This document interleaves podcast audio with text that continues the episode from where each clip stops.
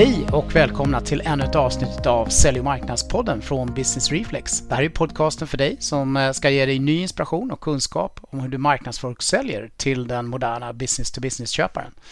Jag som kör avsnittet idag heter eh, Lars Dahlberg. I det här avsnittet eh, utav Sälj och marknadspodden så gör jag en intervju med Rickard Kramer. Rickard är entreprenör ut i fingerspetsarna och driver just nu B2B SaaS-bolaget Pitchflow. Det är eh, en stor utmaning att få en effektiv digital affärsgenerering att fungera effektivt som B2B SaaS-bolag. Det är många som får erfara.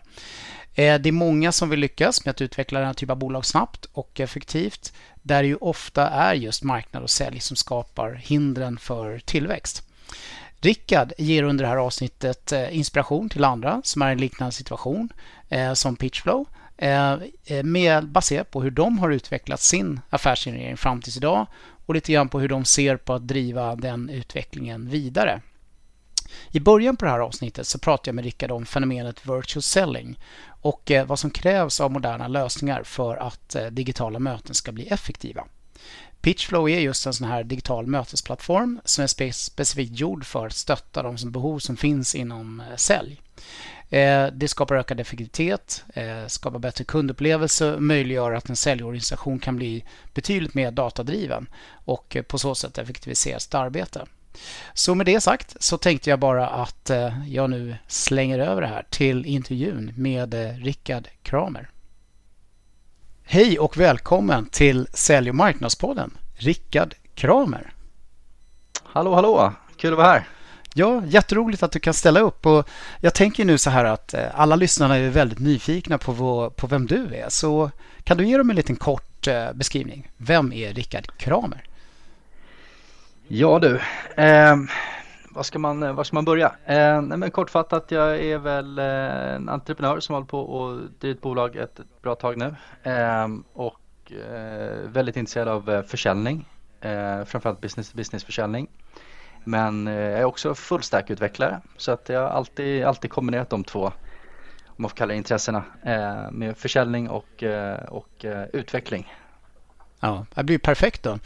Därför att du, du har ju grundat bolaget Pitchflow. Så att jag tänker att mycket kommer ju handla om Pitchflow här från lite olika perspektiv mm. för, för lyssnare i det här avsnittet. Men hur kom det sig att du startade Pitchflow? Man kan väl säga så här, mitt förra bolag som hette SiteGainer, eh, det var en konverteringsoptimeringsplattform som vi sålde framförallt till e-handlare. Där satt vi, där, där, jobbade vi nästan uteslutande med virtuella möten med våra kunder. Så att jag skulle säga att 90-95 procent ungefär var ju digitala möten via, via Zoom framförallt som vi använde då. Ehm, och jag kan säga att jag märkte att det fanns ett, ett stort gäng utmaningar som vi hade när vi jobbade på det sättet som gjorde att lärdomar blev väldigt, väldigt dyra helt mm. enkelt. Mm. Um, och, och, det var allt ifrån att, att de pitchdexen som mina säljare använde var ofta väldigt utdaterade. Vilket inte gjorde att jag, man, man, hade liksom ingen koll. Det kunde vara så att man kom in efter åtta månader och så såg man att okej, här, här använder man ett, ett pitchdeck som, som var helt förändrat från ursprungsformen och eh, ja, inte längre relevant. Eh, så, att, så att det var en utmaning. Vi hade utmaningar med att, att samtalen spelades inte in. Vilket gjorde att det var väldigt svårt att coacha. Eller om det kom en säljare och sa att nu har jag haft världens grymmaste samtal här med en kund. Mm. Eller möte med en kund. Och så, ja men grymt, kan vi inte kika på det tillsammans? Ja, nej jag, jag missade att spela in det. Um, så att där, där, hade vi också, ja det var, det var, svårt att analysera, svårt att förbättra sig. Uh, och jag kände också att det finns ju sådana enorma möjligheter till, till egentligen uh, mätning, insikter och, och, och, så vidare när det kommer till det digitala. För allt, allt spelas ju in på något sätt. Allt kan spelas in, allt kan dokumenteras. Mm. Och jämför man det med möten ute hos, ute hos kunder, där kan ju ingenting dokumenteras. Så att vi, på något sätt så finns det en hel värld av möjligheter som, som vi inte kunde dra nytta av och, och även en hel värld av, av struktur och, och, ordning som man skulle kunna ha genom att se mm. vilka prestationer används i vilket sammanhang och vissa, vilka funkar och hela den biten. Så på något sätt så, så liksom den totala bilden av att det här skulle kunna vara mycket bättre. Mm. Eh, det gjorde att, att eh, jag valde att, att, att grunda Pitchflow. Ja. med, med syfte att lösa de här sakerna. Ja, spännande. Vi kommer komma in på det eh, väldigt mycket mer i det här avsnittet. Dels kommer vi att prata om, om, eh, om, pitchflow och, hur det är relevant kopplat till den värld vi nu lever i. Och eh, vi kommer också prata mer om liksom er resa kring att utveckla er egen digitala marknadsföring och affärsgenerering och så. Men du, eh, tack för den introduktionen, eh, Rickard. Jag, jag, tänkte innan vi kommer in på det här med liksom Pitchflows resa så tänkte jag att vi eh, skulle bara beröra lite kort eh, det här fenomenet virtual selling som det ju pratas väldigt mycket om. Det finns ju ett antal mm. olika undersökningar som har kommit nu, framförallt under 2021, eh, som handlar om det här med, med virtual selling. Det är Gartner som har gjort rapporter som pekar på att det här är den tydliga trenden. McKinsey, mm, mm. Mercury från Sverige som gör sådana här undersökningar. Definitivt. Eh, Rain Group och andra viktiga förståsigpåare. Men jag tänkte så här, Rickard, det här med virtual selling. Om du skulle bara säga något mm. kort mm. Om, om hur du ser på, på det och vad det egentligen handlar om. Alltså egentligen är det ganska enkelt och det, och det är väl att man ska kunna genom en digital process föra för en, en köp, alltså ta, ta en kund från första kontakt till, till, till order, till köp. Precis, och det, det, är, det är väl en kort och bra beskrivning skulle jag vilja säga. Eh, man behöver mm. inte läsa alla Gartner-rapporterna om, om det där, men då är det så här, om man säger då så här, vad är egentligen utmaningarna då eh, med det här? Därför att det, det man gör är att man använder ju de här etablerade plattformarna som Microsoft Teams och Google Meet och, och Zoom som du touchade lite grann på. Mm. Eh, för det, det uppskapar uppenbarligen en hel del utmaningar om man ska få till det här med virtual selling. Ja men det gör ju det. Alltså, man kan väl säga så här, de flesta har väl, har väl eh, ja, egentligen nöjt sig ganska mycket med, med Teams och Zoom och, och, och, Google Meet och man, man ser varandra och man hör varandra och, och, det är fantastiskt att man kan dela sin skärm. Och man tänker att det är på något, man tänker att det, det vad mer kan man göra? ja. Men det, det, man måste, det man måste börja med att titta på det är hur mycket investerar man i att skapa mötestillfällen? Mm. Om vi börjar där istället. Så att mer pengar än någonsin går ju åt att köpa möten, vilket man gör genom marknadsföring, man bygger sitt brand, man har leadgenerering, man har, sälj, man har toppsäljare som kostar minst en miljon om året inklusive arbetsgivare och avgifter och allting. Mm. Man har, ja som sagt mötesbokare.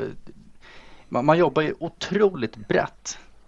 Och nästan allt går ju ut på att få säljmöten. Mm. För, för ett B2B-bolag. Det, det, är klart att det finns eh, eh, PLG-bolag som inte har den här strukturen. Men, men för, för, för de flesta så går det ut på att, att få, alltså product-led growth-bolag. Eh, men för de absolut flesta så går det ut på att faktiskt få, eh, få, få säljmöten. Mm. Och tittar vi på, på den här datan från Gartner, McKinsey och, och alla bolag som vi pratar med så är det glasklart att, att mellan 80 och 95 procent av alla möten är digitala. Ja. Och då kommer man ju någonstans till den insikten att digitala möten är en rätt kritisk flaskhals. Ja, verkligen. Det, det går nästan inte att se, se bort ifrån att man lägger ju uh, enorma delar av sin omsättning på att få de här digitala mötena. Men sen struntar man liksom i själva mötena ja. egentligen. Sen struntar man i själva mötet. Ja, man, man, man nöjer ja. sig med den plattform som är, kör man, kör man Googles kalender, då, då kör man Google Meet, då kör man Microsofts Outlook och hela den biten, då kör man Teams. Um, och, så, och så har man liksom inte tänkt på det längre än så. Nej. Och vad tycker du saknas då kopplat till de här plattformarna? Delvis så är det, det är egentligen, eh, man kan säga så här att jag skulle vilja säga att, att en sak som jag brukar, brukar prata mycket om det, det, är ju engagemanget, att deltagarens engagemang. Mm. Egentligen det är ganska lätt att mäta. Sitter du i ett, i ett uh, möte så, så, kan du faktiskt mäta om personen är aktiv i mötesplattformen eller, eller, eller den flik som mötet är i. Eh, men det här är data som inte finns idag i andra plattformar. Mm. Eh, så jag skulle säga att, att, att, mäta och förstå engagemanget är nog en av de största utmaningarna inom försäljning och vilket inte går att göra i de här produktivitetsplattformarna som man använder idag. Nej. Och, och den datan som vi ser är att ungefär 20 till 25 procent av tiden i ett säljmöte då sitter kunden och gör någonting annat. Mm. Man kollar sin mail, man lägger in eh, dagar i Försäkringskassan, man eh, kollar sociala medier, Slack, Teams eh, och så vidare. Och det här händer oftast när kunden upplever att säljaren är lite ointressant. Mm. Då helt plötsligt, då, då, då, och det känner man igen sig själv i också. Och jag är skyldig till det utan tvekan. Att, att blir jag lite ointresserad under en säljdemo eller ett säljmöte då, då eh, börjar jag göra någonting annat för att jag, jag vill inte slösa min tid. Mm. Ja, det är ett väldigt intressant exempel du tar upp här måste jag verkligen säga. Sen ska man ju tänka på att, nu pratar vi liksom om, om alla de här investeringarna som du, du pratar om som ökar hela tiden. Mm, de går ju mm, till att mm. skapa liksom säljmöten. Och, ja. och, det här med engagemang ju, kan jag också hålla med om, väldigt, väldigt viktigt. Men några andra så saker du skulle vilja lyfta fram som, mm. som plattformarna liksom inte erbjuder? De här vanliga standardplattformarna som alla tar för givet ska kunna leverera även för sälj. Ja, nej men det är egentligen, jag, tror att vi har nästan 40 saker som, som vi ja. har listat egentligen. Men, men eh, om, om vi tittar på några av de topp, eh, ja, toppanledningarna då. Så skulle jag väl säga att, att inspelningar av möten, att alla möten alltid blir inspelade. Mm. Eh, är extremt kritiskt. För, för det, vi har aldrig haft en, en, en, en, större möjlighet att coacha, både att, att säljaren kan coacha sig själv eller få, få en mycket, mycket bättre coachning från, från sin ledning. Mm.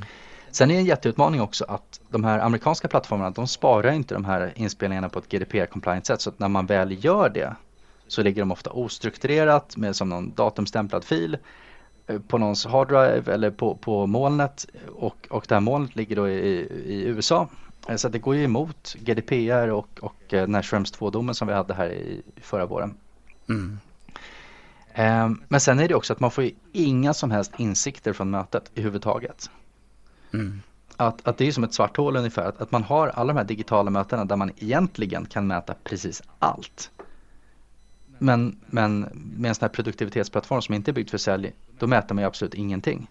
Så att när, när, när man har kört möten i ett halvår eller ett år eller en månad eller vad, vad som helst, då har man egentligen inga som helst insikter från de mötena. Nej. Vilket jag kan tycka är galenskap. För att jag kommer från bakgrunden att jag kommer från eh, eh mitt förra bolag, där, där sysslade vi med att, att hjälpa e-handlare bli datadrivna när det kom till deras försäljning. Mm. Men de hade ju redan fruktansvärda mängder data. De kunde egentligen gräva ner sig i precis varenda tänkbar detalj i, sin köpre- i kundens köpresa och förstå exakt vad som händer. Med allt ifrån verktyg som Hotjar, Google Analytics till, till um, olika varianter av de verktygen. Som gjorde att man hade, ju, man hade ju stenkoll på varenda detalj i köpresan. Men när det kommer till sälj och eh, framförallt B2B-försäljning då har vi egentligen inga som helst insikter i huvudtaget från hela säljmötet. Nej. Och väldigt begränsade insikter mellan säljmötena. Och det som förvånar mig, eftersom jag träffar väldigt mycket, får nöjet att träffa väldigt mycket försäljningschefer inom B2B, är just mm. att, att B2B-försäljningscheferna inte bara står och skriker efter det här allihopa. Eh, därför de borde ju inse liksom att nu när mötena är så väldigt digitala, då borde mm. man kunna få ut den här typen av information som ja, du pratar om. Ja, det vore visst. ganska självklart. När man pratar med ja. en produktionschef eller en logistikchef, då är ju, för dem är det självklart att liksom kunna vara datadrivna Absolut. baserat till det som är deras kärnprocess. Liksom. Ja, så att, eh... Exakt. Um, men sen så är det också enkla saker som kundupplevelsen i mötena. För att om, mm. vi, om vi tittar bort från det här med, med analys, engagemang, eh, inspelningar och förståelse för vad som faktiskt händer i mötet. Hur, hur går dialogen mellan kunden och säljaren? Vilka frågor ställs? Alla sådana saker. Om vi går bort från den biten och tittar på själva kundupplevelsen istället. Då har vi det här med att mötena som man har i de här produktivitetsplattformarna eh, som inte är byggda för sälj, de är inte ens brandade. Nej, så att när kunden kommer in i mötet, det ser precis likadant ut att ha ett möte med Telenor som det ser ut att ha ett möte med eh, Vaino. det är exakt samma upplevelse. Och man har investerat en hel del pengar i sitt brand. Mm. Men man väljer alltså att, att, att inte branda den del av kundresan där, där kunden faktiskt spenderar förmodligen mest tid. Visst är det så att man researchar mycket som kund och så vidare, så att självklart, men om vi tänker aktiv tid på hans hemsida jämfört med aktiv tid i ett säljmöte så skulle jag tro att, att där vet du, du nog med mig Lars, men där skulle jag nog tro att, att man lägger mer tid på i säljmötet ja, aktivt absolut. än vad man gör på hemsidan. i en B2B-affär så är det ju så. Ja. Och det är ju ofta många inblandade och, som kanske aldrig skulle komma in på eh, hemsidan men som behöver involverade i möten på olika sätt och sådär.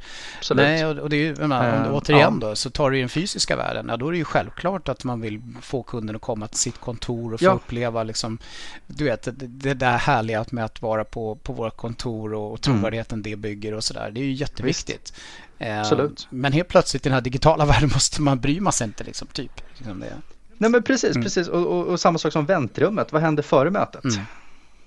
Ska det se ut på något speciellt sätt? Eller ska det bara stå eh, en Google Teams, en Google Meet-logga och, och waiting liksom? Mm. Eller, eller ska det faktiskt, kan vi göra någonting där? Kan vi visa referenser? Kan vi visa vårt kontor? Kan vi, kan, vad kan vi göra egentligen? Där, där har vi egentligen hur mycket möjlighet, möjlighet som helst. Och vad händer efter mötet? Ska vi ha någon uppföljning? Ska vi ha någon kvalitetsuppföljning? Ska vi ha Eh, någon typ av uppföljning om, om hur, hur de upplevde mötet, fick de svar på sina frågor eh, och så vidare. Bara före och efter mötet, den biten, vad hände där egentligen? Och, och, och som sagt, också sådana saker som ögonkontakt. Mm. Eh, jag tror att alla säljare i, i världshistorien kan hålla med om att, att ögonkontakt är ganska viktigt i ett säljmöte när man, när man är ute hos en kund. Att man inte sitter och kollar ner i bordet. Då verkar man väldigt osäker. Och, och, eller åt sidorna, man verkar väldigt ostrukturerad och ofokuserad. Men i de här digitala säljmötena med, med Google Meet och Teams och, och Zoom och de här. Då är ju kameran placerad så att man konstant tittar neråt eller ner till höger eller till höger. Mm. Viktigt är att man tittar aldrig kunden i ögonen. Och sen är det många säljare som klagar på att, att man har svårt att nå fram till kunden i digitala möten. Mm. Vilket är, ja, det blir ju ännu spännande. viktigare just när det är digitala möten, att man verkligen kan ja, göra det där. Ja. ja. men det blir helt kritiskt. Ja. Och i, i, digitala möten så krävs det mer av säljaren för att hålla kunden engagerad. Och det man inte heller får glömma är att det krävs ju också bättre, eh, bättre visual aids. Att, att må, många tycker att det är väldigt viktigt att man inte ska ha slides och prestationer och sånt för att det står i vägen mellan kund och säljare. Och absolut så kan jag köpa och hålla med om det till viss del. Um, men man får också glömma, inte glömma att om det bara pratas så, så är det väldigt lätt att glömma bort det som sägs efter mötet.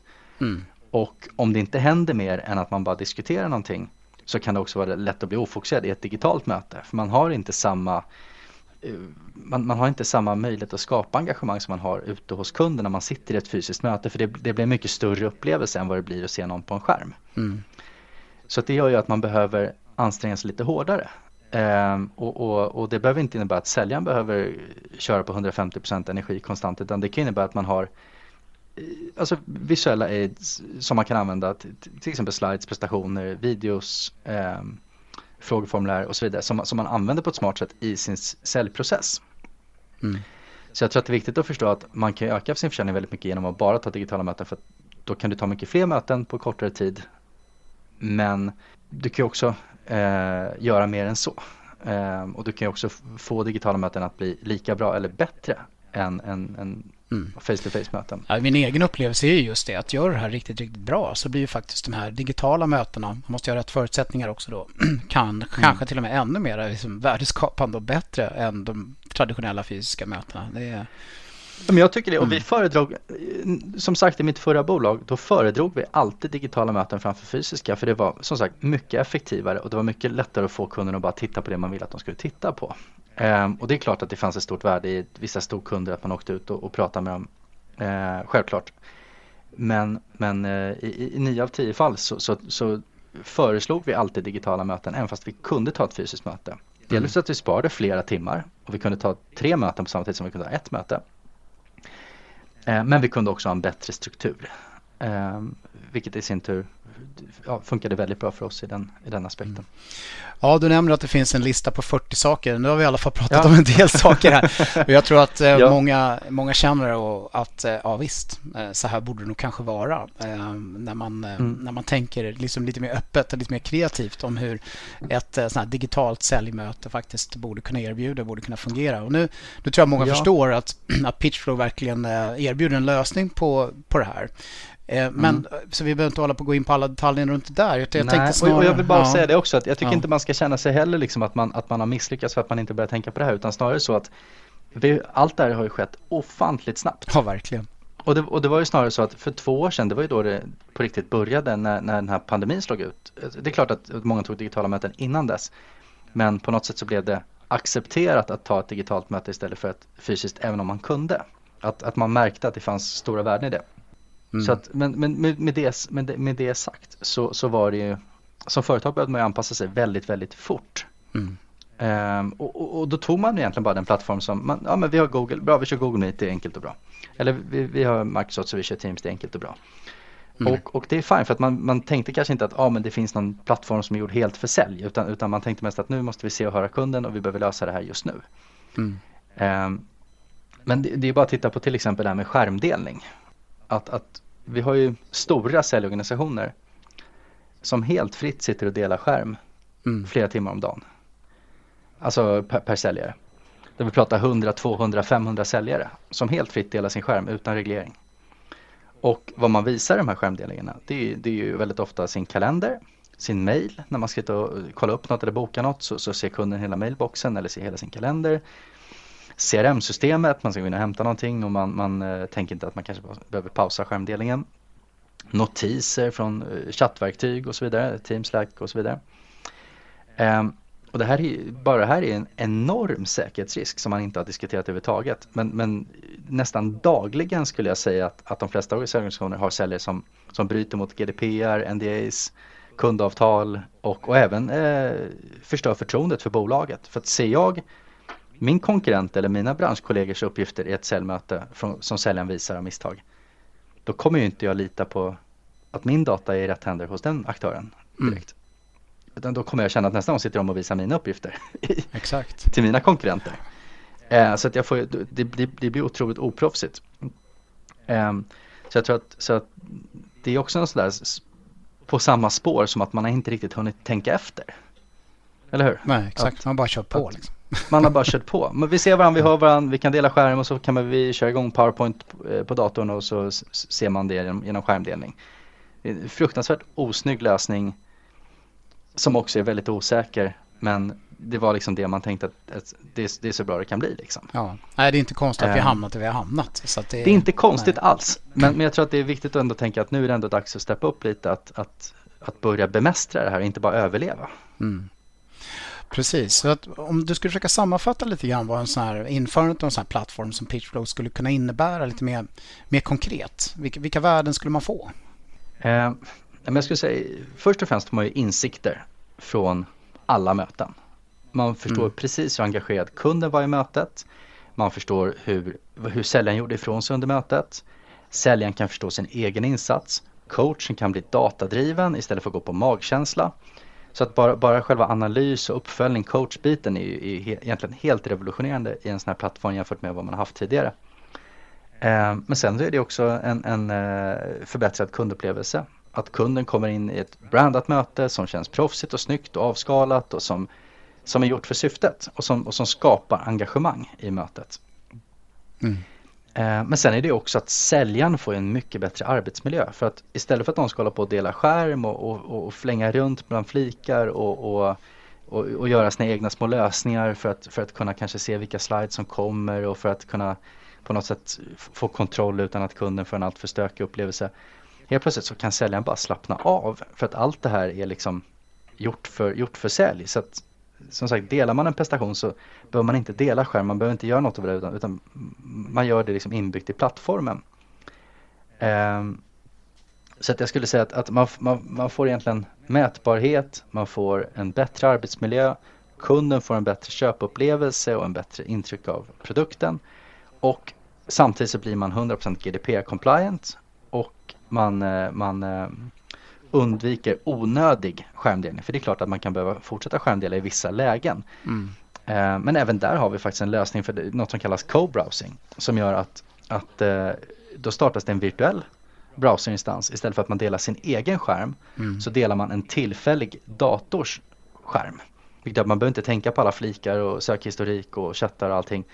Utan då har man liksom full kontroll. Så att så länge man ska dela, visa någonting som är webbaserat så behöver man inte dela skärm för att dela skärm till exempel. Exakt, det här har folk själv fått uppleva. Det är faktiskt rätt fascinerande. Ja, ja för det roliga är att då kan också kunden ta över kontrollen. Just det. Vilket gör att, att om vi pratar om det här som engagemang som vi var inne på tidigare. När kunden kan ta över kontrollen under mötet, mm. då får du också en helt annan köpupplevelse. Kunden blir engagerad, kunden minns mer av, av eh, vad som händer i mötet. Det blir inte bara en passiv upplevelse utan det blir en, en aktiv upplevelse.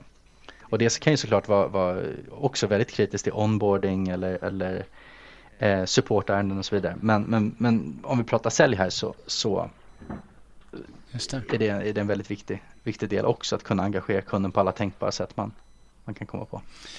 Ja, härligt. Men du, eh, men det kanske många funderar på hur inför man en sån här plattform då? Hur skulle det kunna gå till? Eh, för att sätta lite, lite så perspektiv ja. på det eh, för de som lyssnar. Nej men egentligen så, så, är det, så är det ofantligt enkelt för plattformen funkar i grund och botten precis som ens befintliga mötesplattform. Mm. Den är inte jätteannorlunda i, för, i, i liksom användarupplevelse som säljare. Så att, så att man installerar våran plugin till Google Meet eller, eller förlåt mig inte Google Meet, Google Calendar eh, eller, eller till Outlook-kalendern. Och sen så bjuder man in deltagarna precis som vanligt och, och mm. då så, så, så, blir det istället ett Peaceflow-möte istället för ett, ett Teams eller Google-möte. Mm. Um, och när säljaren kommer in där, man ser och hör varandra och allt är som vanligt men man har också uh, bättre möjligheter att, att göra mm. sitt jobb som säljare i själva, själva mötet. Så det är, det är väldigt enkelt att komma igång liksom med grund, grunden och kunna börja jobba med det. Och sen antar jag att man får utveckla sig steg för steg. Alls ja, men alla, alla, alla kan ju redan ja. de här digitala mötena. Så att, så att Ja. Man behöver liksom ingen direkt extrautbildning utan, utan vi brukar ha ja, 5-10 minuters utbildning med, med säljarna. Det finns antingen som video eller, eller att, att man kör en liten workshop. Men väldigt kortfattat och enkelt. Och, och, det enda man kanske behöver visa är hur, hur, hur, delar man en slide på det här sättet om, jämfört med att bara dela sin skärm.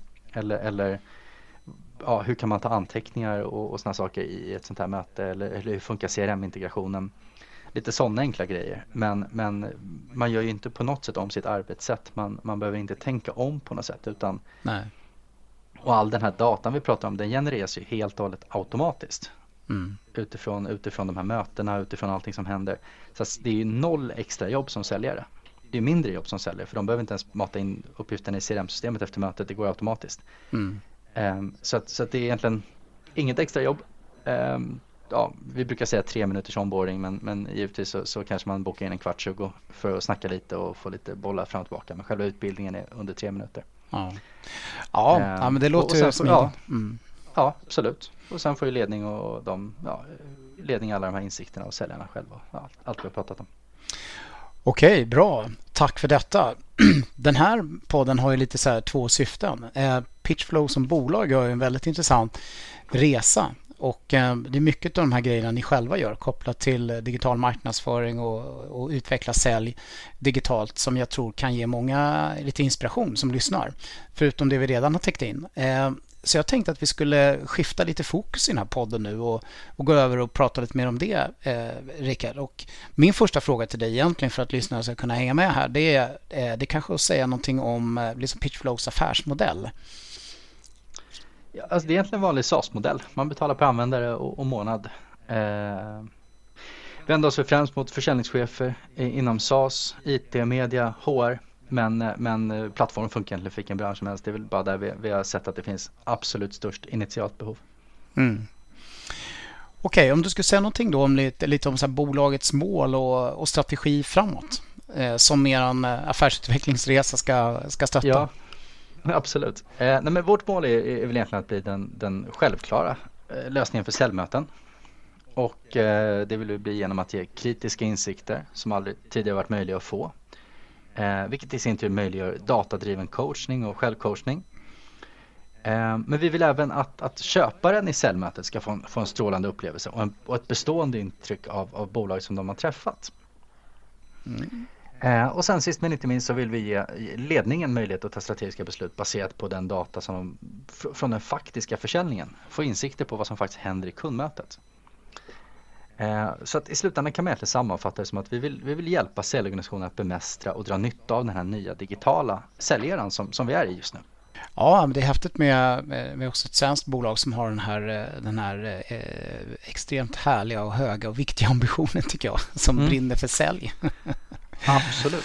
Men du, ni har ju själva då infört en, en grundplattform liksom för att få er egen eh, affärsgenerering att fungera då effektivt. Eh, jag ja. tror många kan vara lite nyfikna eh, på vad väljer man egentligen att bygga eh, det här på. Liksom. Ehm, så det tror jag vore toppen om du kunde nämna lite, lite ord om, runt de olika plattformar mm. så som Pitchflow har valt.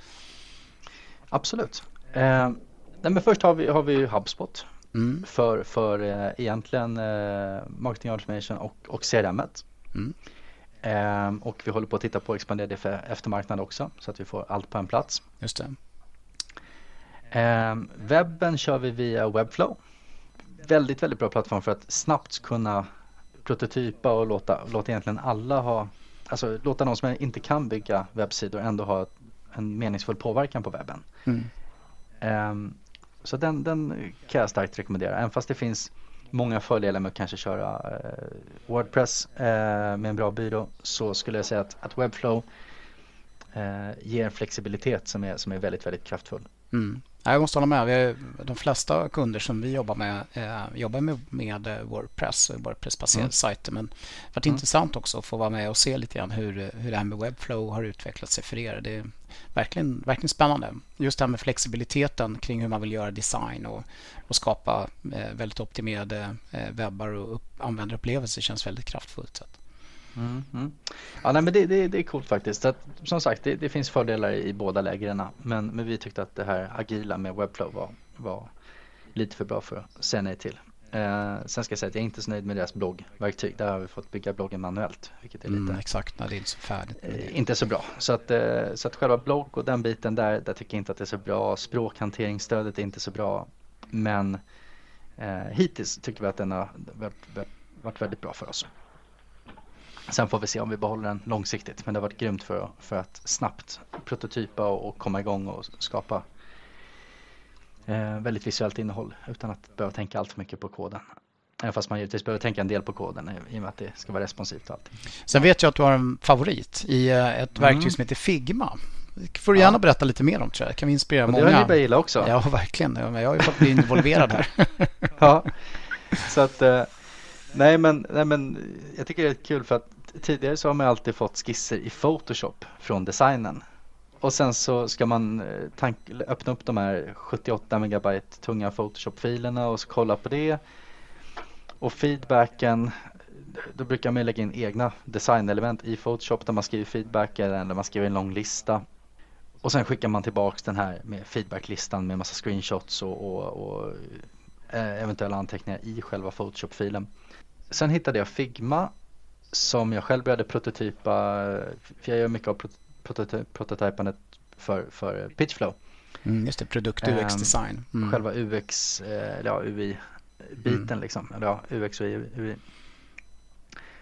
Och, och där, hade, där blev, den var ju liksom gjord för, den var gjord för webb.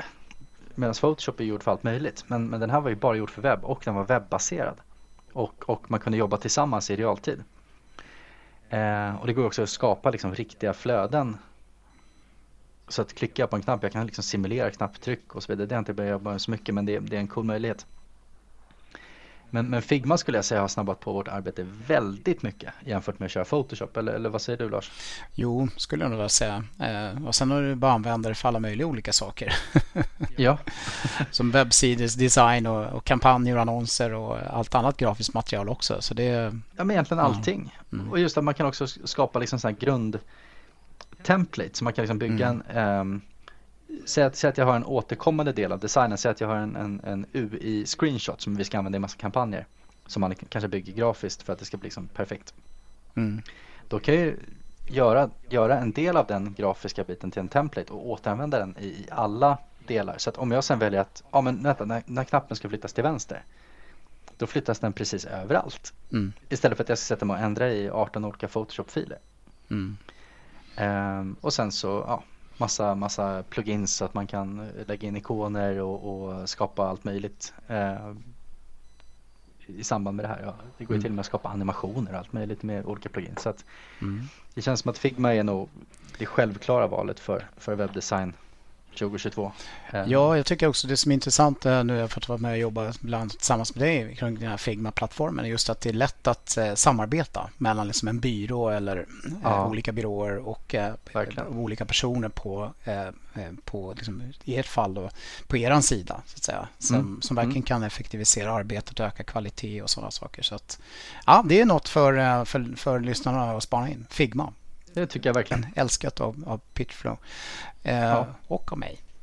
Ja. Men du, eh, vad är det för kampanjer eller för typ av kampanjer som ni har drivit eh, sen ni drog igång lite mer på allvar? Eh, om du skulle säga mm. någonting lite övergripande om det i alla fall, tror jag kan vara intressant. Ja, ja men vi har väl experimenterat mycket skulle jag säga. Så att vi började ju väldigt, väldigt brett. Utan tvekan. Och, och, och försökte utbilda i liksom eh, hur man kan, hur man kan tänka med, med hela liksom, den digitala kundresan och, och Eh, att, att vi är liksom en virtuell säljplattform och, och hela den biten. Att, att, hur kan vi utbilda inom det? Vad ska man tänka på inom virtuell försäljning? Vi pratade mycket om, vi pratade mycket om liksom guider för hur kan du bemästra virtuell försäljning. Så, så väldigt, väldigt brett. Mm. Eh, och det var väl innan vi verkligen hade hittat våran vår egen tydliga kommunikation. Att, att vi valde att från början se hur mycket, hur mycket, hur många kan vara intresserade av generellt content om virtuell försäljning och sen så förhoppningsvis så, så ser de oss som en, någon typ av auktoritet inom det och, och eh, vill prova på plattformen. Mm. Så det var väl så vi började. Mm. Nej, det, nu har både jobbat med, med guide som du nämner, eh, mm, bloggar ganska precis. självklart kopplat till dem. Men sen har du också varit med och kört lite webbinarier här. Eh, både live och inspelade ja. webbinarier som har sänds efter mm. live. Eh, både själv och med externa aktörer och sådär. Ja, Ja, men det har varit jätteintressant och där, där har vi fått ut väldigt mycket, eller jag har fått ut väldigt mycket av, av eh, den coachning som, som eh, eh ni har givit, ska jag säga, mm. i det. För det var något som jag var rätt osäker på innan, även fast jag vet att man har ju lyssnat, man sysslar med sälj hela livet och hela den biten så att, så att det borde komma väldigt naturligt. Men samtidigt så är det lite annorlunda att, att spela in något eller göra någonting live. För vad händer om något går fel hur ska man tänka här och du vet mm. det ena och det andra. Mm.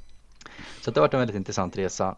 Men, men med det sagt så, så tycker jag också att det har varit en, en stor insikt det här med att förinspelade webbinarier. Att de kan ju bli, man kan ju få ett väldigt, väldigt högt produktionsvärde i dem. Som inte riktigt går att få live. Mm. Och det går att få dem att kännas väldigt live. Och det fina är att får man till en sån bra då kan man ju återanvända den på ett helt annat sätt. Att kör man en live då kan det bli mycket snack och lite hit och dit. Och det kan ju vara väldigt kul och trevligt för deltagarna. Men det kanske inte är så bra att marknadsföra det webbinariet i efterhand för det, det, känns lite det känns inte strukturerat nog eller det känns kanske inte som att det skapar till mycket värde baserat på den tid man tar. Det kanske är för utdraget. Man har ju liksom ingen direkt ja, det är väldigt få som vill titta på ett 60 minuters webbinar idag. På, mm. som, som seriöst gör det där det inte adderas värde var, var tredje minut som man verkligen kan dra nytta av. Just det här med förinspelade webbinarier som man sen sänder live är ju mm. en, tycker jag, en fantastisk möjlighet att få verkligen en otroligt bra kvalitet. Eh, ja. och för att liksom få, få verkligen få fram sitt budskap liksom ett högt mått av kvalitet till en stor bred marknad. Um, Det blir en hybrid det, nästan. Ja, exakt. Visst hade det kanske mm. lite mer ja, lite mer avslappnat om man verkligen skulle köra helt live och, och, och, och köra på det. Men man kan få, som sagt, man kan skapa väldigt mycket av det som är bra live förinspelat. Mm. Och det är en rätt skön känsla att när man väl ska dra, dra igång det här webbinariet så, så behöver man inte tänka på någonting. då, man bara då kan play. man sitta och luta sig tillbaka. Och då vet man att det är perfekt. Man vet att det kommer fylla det syftet man har. Men, ja. men har du liksom så 700 deltagare på ett webbinar då vill man kanske inte gambla med, det kanske blir bra, det kanske inte blir bra. utan, utan då, vill man, då vill man att det ska bli så bra som man bara kan få det. Ja. Ja, det är ett tips um, sen, kan, sen kan man alltid sköta, sköta frågor och svar på en chatt efteråt. Um, mm. Det funkar ju också. Faktiskt. Ja, det är en ehm. intressant möjlighet som jag tror fler skulle prova på. Men eh, du, det här med annonsering då. Mm. Jag tror också många är nyfikna på. Vad, vad kör ett mm. bolag som Pitchflow för annonseringskanaler? Eh, Vilka har du att... dragit igång, Mikael? Så vår favorit är LinkedIn, utan tvekan. Ja, det blir ju så. Det, mm. Där kan vi verkligen rikta oss mot rätt personer. Och jag har faktiskt provat LinkedIn mycket i mitt förra bolag. Jag lyckades aldrig få igång det. Men då gjorde jag det också själv. så att jag, jag, jag, jag trodde att det, att det var inte svårare än att lägga upp en annons och välja en målgrupp och så kör man. Mm. Men det handlar ju mer, om, mer än så. Eh, och det behöver tänkas igenom och planeras och, och det behöver göras rätt och man behöver verkligen tweaka och fixa för att det ska bli riktigt bra. Eh, och experimentera. Eh, så, att, så att LinkedIn har varit väldigt framgångsrikt för oss eh, på ett sätt som jag inte hade förväntat mig baserat på tidigare erfarenheter. Sen så eh, kör vi mycket retargeting eh, via till exempel Facebook. Mm. Och ehm, sen så jobbar vi med SEO och Google Ads. Um, dock är det inte så många som söker på Nej, det är rätt så små volymer. För försäljning. Ja. så, att, så att det är liksom inte, de flesta har inte förstått att det är något de behöver utan det är något som de på något sätt behöver bemötas av för att förstå, sitt, förstå behovet. Mm. Så att det är väl inte vår viktigaste målgrupp ännu och givetvis skulle vi kunna kanske titta på sådana ord som, som kanske tenderar på att visa på ett missnöje med vanliga möten men Men fortfarande ser vi att de volymerna är ganska små som vi har förstått det. Eh, så där har vi inte börjat ännu, men, men det kan nog bli framöver. Men sen så har vi också varit med på event, typ eh, Sales Conference, som, som gav väldigt mycket leads måste jag säga. Um, både i form av den huvudsakliga konferensen men också webbinariet. Ja, um, precis, för ni gjorde ett webbinarium ihop med Mercury sen efteråt. Mm. Precis, precis. Så där, ja, där fick vi nog i alla fall 500 eller 600 leads eller något sånt. Mm. Så det var ju fantastiskt. Det var ju tillräckligt, tillräckligt för säl säljarna hann ju liksom inte med att hantera det. Utan det, det, tog ju två och en halv månad innan vi hade liksom lyckats kontakta mm. de som vi ville kontakta. Så det, det var ju fantastiskt och något vi kommer fortsätta med att, att titta på partnerskap och webbinarier tillsammans och, och jag tror att vi, vi ligger också, vi har också, vi har också lite lyx i att vi löser ett så pass stort och kritisk, en, en så pass stor och kritisk utmaning. Ja. För att just att bemästra virtuell försäljning. Det, det är ju något som, ja, är, är, man inte intresserad av att bli bättre på virtuell försäljning då, då skulle jag säga att då gör man nog inte sitt jobb som säljchef. Nej. i 2022. För det, det, är en så otroligt kritisk del av att lyckas just nu. Um, och man behöver nog göra allt för att lyckas inom det området. För mm. annars är det nog lätt att hamna lite efter. Nej, jag, har ju en del insikter här om, om, eh, om de här olika sakerna som du har jobbat med. Och det jag, jag har förstått också det är att det har faktiskt lett till en klart acceptabel liksom, kostnad per lead eh, kopplat till de annonseringsplattformarna som du precis har berättat om. Det skulle jag säga absolut. Eh, nu minns jag faktiskt inte exakt kostnaderna men, men vi, vi är eh, ja, under ja, LinkedIns average eller Googles average under i alla fall, average har vi, ja, ja, under average har vi nått, absolut. Och, och, det, och det har blivit sådana leads som blir till riktiga möten och som blir till affärer. Mm. Och det är också det som man såklart vill se att det faktiskt ger mer än vad det kostar. Mm. Sen, så, sen så kanske det inte äh, ännu riktigt är mer än vad det kostar på totalen men då är det för att vi har experimenterat mycket i början men, men vi har utan tvekan börjat hitta en modell nu där, mm. där vi får in ja, riktiga kvalitativa möten som förstår, företag som förstår varför de är i mötet och, och har en, en äh, säljorganisation som, som, är, som är tillräckligt stor för att det ska vara värt att ta mötet. Vad ser du ska bli kritiskt i nästa steg då i utvecklingen av um av marknadsföringen framförallt, eller säljet. Men eh, vad, vad, är det för story ni vill berätta, känner du? Som jag ser det så närmsta två åren så tror jag att vår story kommer behöva vara ganska, ganska likartad. Vi behöver på något sätt eh, berätta för företag varför det inte räcker att se och höra varandra. Mm. Och dela skärm. Det, och vi, och givetvis kommer vi börja med att kunna ta in sådana bolag som är lite early adapters som, som vill ha det senaste och bästa och, och, och uh, verkligen är intresserade av att förstå sin data och, och hamna före sina konkurrenter. Men sen finns det de organisationer där, där sånt här tar lite längre tid. Mm. Och det blir, ju det blir ju steg nummer två, att, att börja, få in, börja få in dem. Mm. Um, men men de, de, där tror jag att det är ett litet tag kvar innan de är riktigt mogna för att, för att verkligen titta på andra lösningar för att ofta är det liksom 500 säljare uppåt. Mm. Och, eh, och det tar lite tid helt ja. enkelt att få igenom sånt där. Och det är allt ifrån säkerhetsdiskussioner till det andra, det tredje och fjärde och det ska mm. ja, man har äldre medarbetare som ska komma med i allting och så vidare. Så att, men, men, eh, men ja, egentligen handlar det om, om att hjälpa företag förstå att det finns någonting mycket, mycket, mycket bättre än Google Meet eller Teams mm. för att ta säljmöten och att det finns enorma värden att vinna på det. Och, mm. ja, så, som verkligen kan göra en stor förändring i hela företaget. Inte bara en liten ökning i försäljning och så är vi klara utan, utan ett, ett skifte i hur man jobbar med sälj. Alltså att jobba datadrivet med sälj, vilket ja. vi inte har gjort tidigare. Ja, det är mycket fokus på att inspirera och utbilda kring de frågorna som du ja. redan har berört i det här poddavsnittet som är en strategi ja. framåt känns det som. Ja, men det känns, ja, nu ut med vårt mm. budskap helt enkelt. Eh, och, och, givetvis göra det så, så, så, globalt vi bara kan. Vi, mm. har, vi har ju rätt eh, stora planer på att, på att snabbt nå ut internationellt med det här också. Att eh, Sverige har varit lite en, en språngbräda för det. Men, men eh, jag tror vi ser nog inte Sverige som, som en primärmarknad på något sätt utan, utan Nej, exakt. ut mot Europa och, och eh, USA, Kanada där, där vi har liksom också eh, en ännu kraftigare säljkultur. Mm, precis, för det är en ganska viktig drivkraft också. Att man verkligen prioriterar sälj. Ja, men det är det mm. absolut. Ehm, och ja, utan tvekan. Att sälj måste vara väldigt viktigt. Men du, hur har ni jobbat själva då med att effektivisera er egen säljprocess? För det är faktiskt så. Det behövs ju en säljprocess eh, fram till eh, order för er också. Ja, ja men absolut. Det gör det. Eh, så att eh, Ja, alltså vi har vi har ju vår, vår, vad vi kallar digitala säljorganisation. Mm. Jag tror vi har faktiskt inte tagit ett enda fysiskt kundmöte Nej. hittills. det har inte behövts. Nej. Eh, och eh, vi får väl se om någon kräver det framöver. Men eh, många tycker också att det är kul att få uppleva vår plattform som kund i mötet. Vilket gör att, att det blir väldigt naturligt även där att, att vi kör digitala möten. Mm. Eh, vi har ju ett, ett, mål utan tvekan om att kunden ska kunna komma igång direkt från hemsidan själv. Mm. Och eh, plattformsmässigt är vi i princip där att det är så pass enkelt att komma igång att, att vi behöver egentligen vi behöver egentligen personlig assistans utan det handlar väl mycket bara om att, att hjälpa kunden med det logistiska. Att, att hur implementerar vi det här i säljorganisationen? Hur får vi med säljarna på tåget?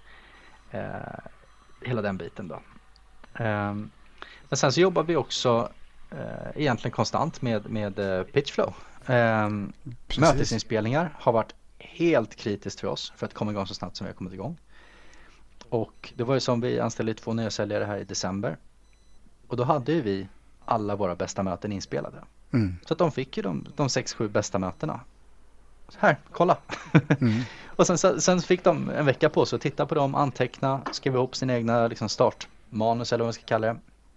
Det är väl, man ska aldrig köra manus men det kan alltid vara bra som en som ny säljare att bara få skriva upp hur, hur, hur ungefär kommer jag mm. säga det här. Ja, det är ju en effektiv sales enablement när man anställer nya säljare. Ja men det är helt, helt vansinnigt mycket effektivare om vi jämför det och givetvis hade vi en traditionell utbildning också med de här säljarna givetvis. Men, men utöver det så att de, att de fick sitta och nöta de här mötesinspelningarna och anteckna vad som var bra, vad de tyckte kunde göras bättre och, och eh, sen fick de öva på de här, eh, alltså att de fick köra sina de fick köra möten mellan varandra och, och testa då sina, sina, hur de ville sälja det. Eh, vilket i sin tur ledde till att sen kunde vi befintliga säljorganisationen titta på de mötena tillsammans med de nya säljarna mm. och hjälpa dem innan de ens har pratat med kund. Mm. Så den, den, det är en enorm möjlighet som, som öppnas med den typen av, eh, med den typen av inspelningar. Att, att alltid ha sina bästa möten dokumenterade. Det, det skulle jag säga är helt kritiskt. Men sen så använder vi också vår egen data såklart eh, som är AI-datan. Eh, så att för, att för att förstå vilka inspelningar ska vi, ska vi titta på, vilka eh, till, till, exempel fick säljaren kunden att börja prata i, i inledningen. Mm. Det är rätt kritiskt att få kunden att öppna upp sig såklart. Och, och, och, eh, för att annars är det bara, man målar ju bara på om sin, sin egen produkt vilket är, är superdåligt. Så att vi vill ju ha en, en dialog med kunden och förstå kunden och, och, lösa deras riktiga problem. Och för att göra det så måste kunden prata. Eh, så att vi kan, vi kan ju mäta om kunden hade en längre, eh, en, en, större del av, av samtals, alltså konversationen i, i starten av samtalet. Vi, kunde mäta, vi kan mäta hur många gånger dialogen byter sida mellan kund och säljare. Vilket gör att vi kan se hur engagerad var kunden i mötet. Vi kan mäta det faktiska engagemanget, det vill säga hur, mycket, hur, mycket, hur stor del av tiden tittar kunden på det vi visar jämfört med att de sitter och gör någonting annat samtidigt. Mm. Givetvis kan vi inte se vad de gör när de inte tittar på mötet men, men vi kan se att de, de, är inte inne i mötet, de tittar inte på det vi visar. Eh, vilket i sin tur gör att vi kan förstå eh, vi kan förstå vilka slides ger ett lågt engagemang både i eh, det här med att dialogen byter sida mindre ofta under vissa slides. Vi kan förstå att kunden börjar göra någonting annat mm. under vissa slides återkommande och så vidare. Så att, så att jag skulle säga att det, det, finns, det finns mycket mer att prata om men man vill inte gå in på allt för mycket detaljer så här. Men Nej, det, det, ni använder egen plattform förstår, förstår nog lyssnarna vilken fördel ni har ändå. ja men vi, vi, vi ja. exakt det, det är otroligt effektivt att lätt förstå vilka, först och främst ha alla möten inspelade, helt kritiskt. Mm. Men sen också förstå vilka för, för, då har man ju nästa utmaning. Att jag kan inte kolla på alla inspelningar. Det skulle ju krävas en heltidstjänst om inte två. Mm. Eh, så då måste vi välja ut vilka inspelningar ska vi, ska vi lyssna på. Då vill jag inte att säljaren säger lyssna på den här. Mm. För, för det, det, det kommer antingen vara något som är, som är kanske det bästa, vilket kan ju vara kul att kolla på såklart av andra skäl. Men ofta vill man hitta hur kan vi öka lägstanivån. Och då vill vi i sådana fall titta på vart pratade kunden lite, vart var kunden oengagerad eh, och så vidare. Mm. Eh, så det är väl en, de liksom low hanging fruits-delarna av verktyget som, som jag tycker, som vi också brukar säga att man, man eh, gärna kan börja med för att man får ut så otroligt mycket av det och det kräver nästan ingenting. Förutom ja. att man bara gör det. Nej, och när man är ett bolag som ert som, som eh, menar, har startat ganska nyligen trots allt och, och mm, sätter igång och, och marknadsför och säljer någonting som är helt nytt som inte finns på marknaden. Mm, då måste mm. man ju kunna verkligen viktigt att man kan trimma in liksom processen. Eh, man, man, måste fejla väldigt, väldigt fort. Ja. Man har liksom inte tid att, att vänta ett halvår på att något ska falla väl eller ej väl ut. Utan, utan vi måste fejla på tre dagar. Mm. Så måste vi förstå att något vi gjorde var dåligt eller bra. Mm. Och det kan vi inte göra utan data. För det tar alldeles för lång tid att vänta på att organisationen ska säga att någonting inte är bra. Nej, nej verkligen. Utan vi måste titta på datan. Och, och då kan vi ta väldigt, väldigt snabba beslut. Mm. Eh, baserat på den datan. Men sen samma sak. Vi kör ju till, vi kör till exempel AirCall för våra, för våra telefonsamtal. Mm. Och det gör ju också att vi får alla samtal inspelade direkt in i HubSpot. Just det. Vilket gör att vi kan också optimera mötesbokningsdelen. Så att vi kan förstå, vi kan väldigt snabbt, på samma sätt som vi använder Pitchflow så kan vi använda det för, för att coacha i mötesbokningsdelen.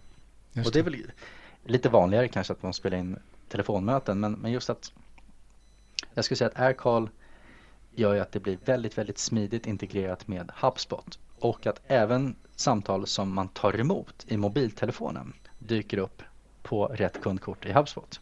Mm. Um, så, så det är också att just när det kommer till inspelningar så handlar ju allt handlar om kontext. Att ha ingen kontext, det vill säga så som de flesta har, det är att de har ett gäng datumstämplade filer.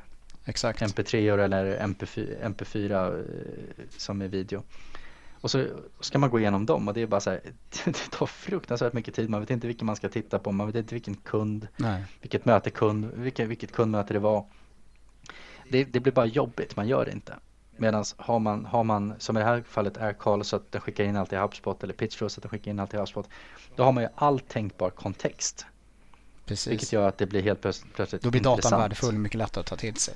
Datan blir mm. värdefull och det går att ta till mm. sig. Vilket gör att, att man kan faktiskt använda det varje dag. Och jag tror att vi använder nog någon typ av det här egentligen varenda dag mm. i, i vårt arbete. Vilket gör att jag tycker att jämfört med mitt förra bolag så tycker jag att, att själva hur, lång, hur, hur snabbt det har gått att verkligen hitta pitchen, hitta hela upplägget och, och, få alla på fötter snabbt har ju varit helt annorlunda tycker jag mm. personligen med, med, med, den här berikningen istället ja. för bara ja, inte ha några insikter alls och inga inspelningar och ja.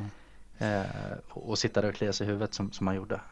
Nej, nu vi in på det här också med HubSpot som vi pratade om lite grann eh, tidigare som ett viktigt plattformsval. Det är ju väldigt affärskritiskt generellt sett att man har ett bra marketing automation och CRM-verktyg med sig liksom i, i botten. Mm. Men Verkligen. vad skulle du säga? Nu nämner du några fördelar direkt här med, med HubSpot där du kan spara saker och ting. Men vad skulle du generellt mm. säga mm. är de stora fördelarna just med den plattformen? Det finns ju andra sådana här plattformar förstås. Nu har ni valt HubSpot men ja.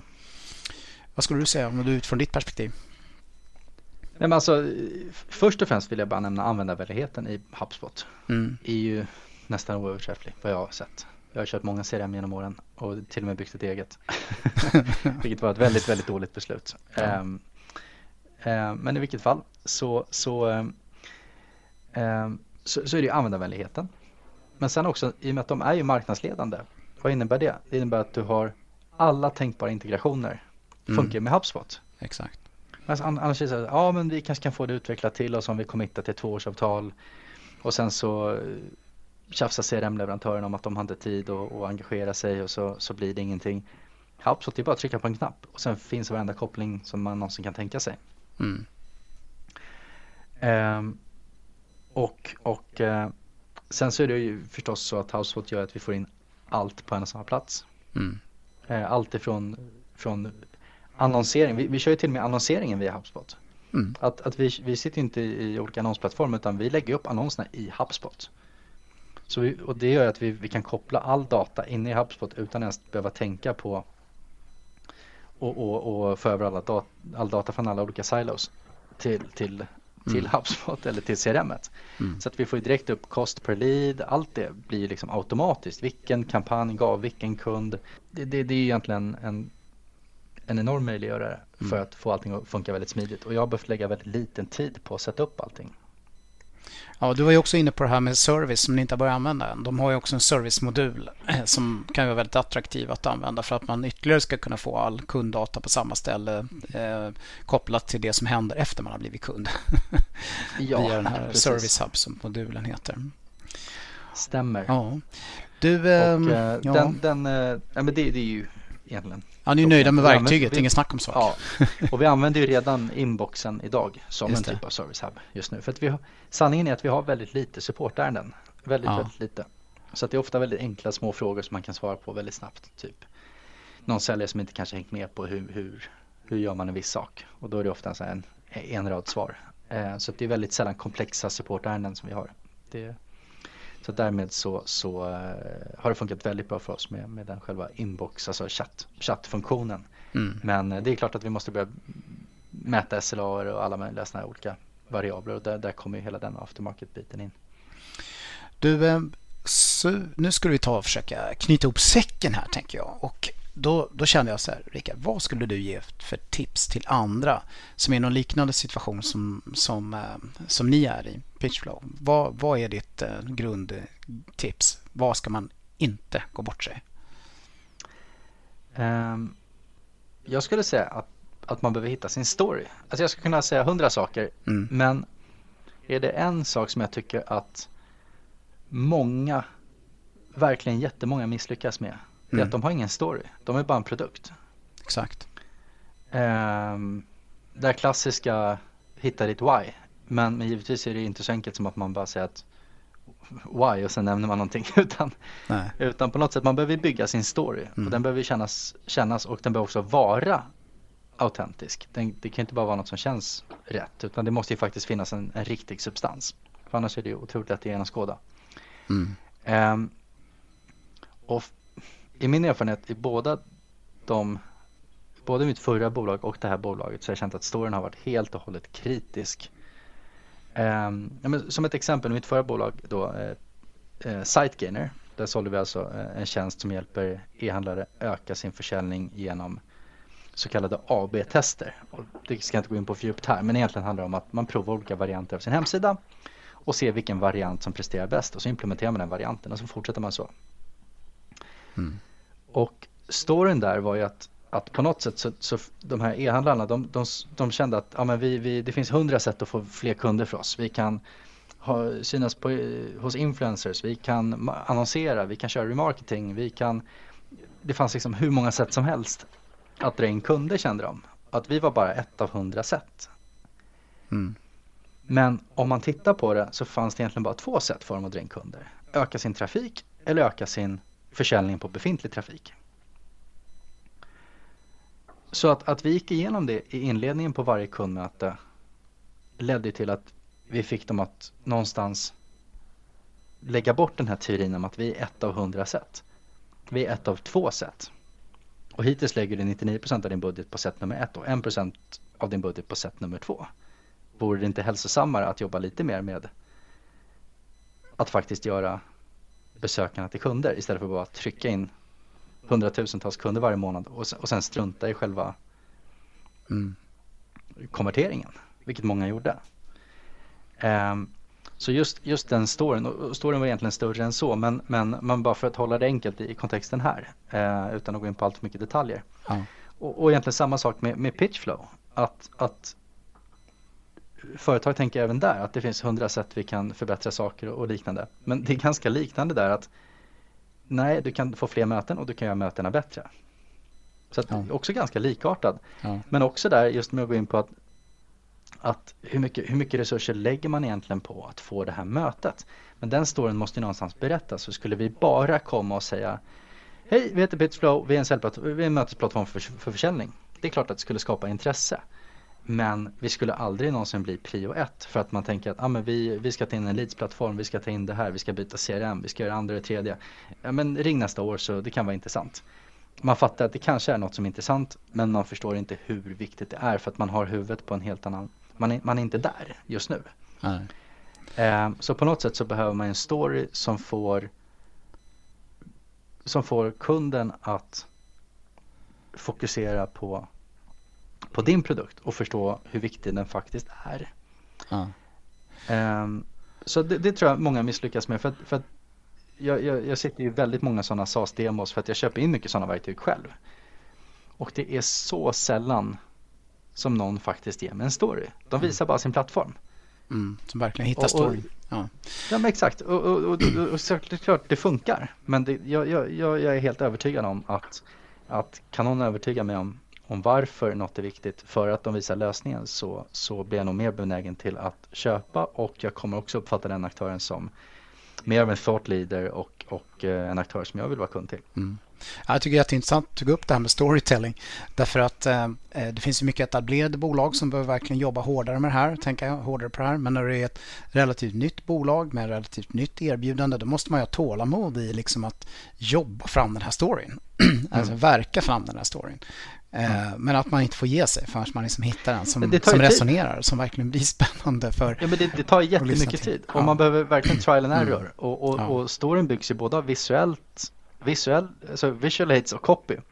För att den här storyn kan ju vara någorlunda, den kan ju vara i vissa fall lite svår att bara berätta som säljare.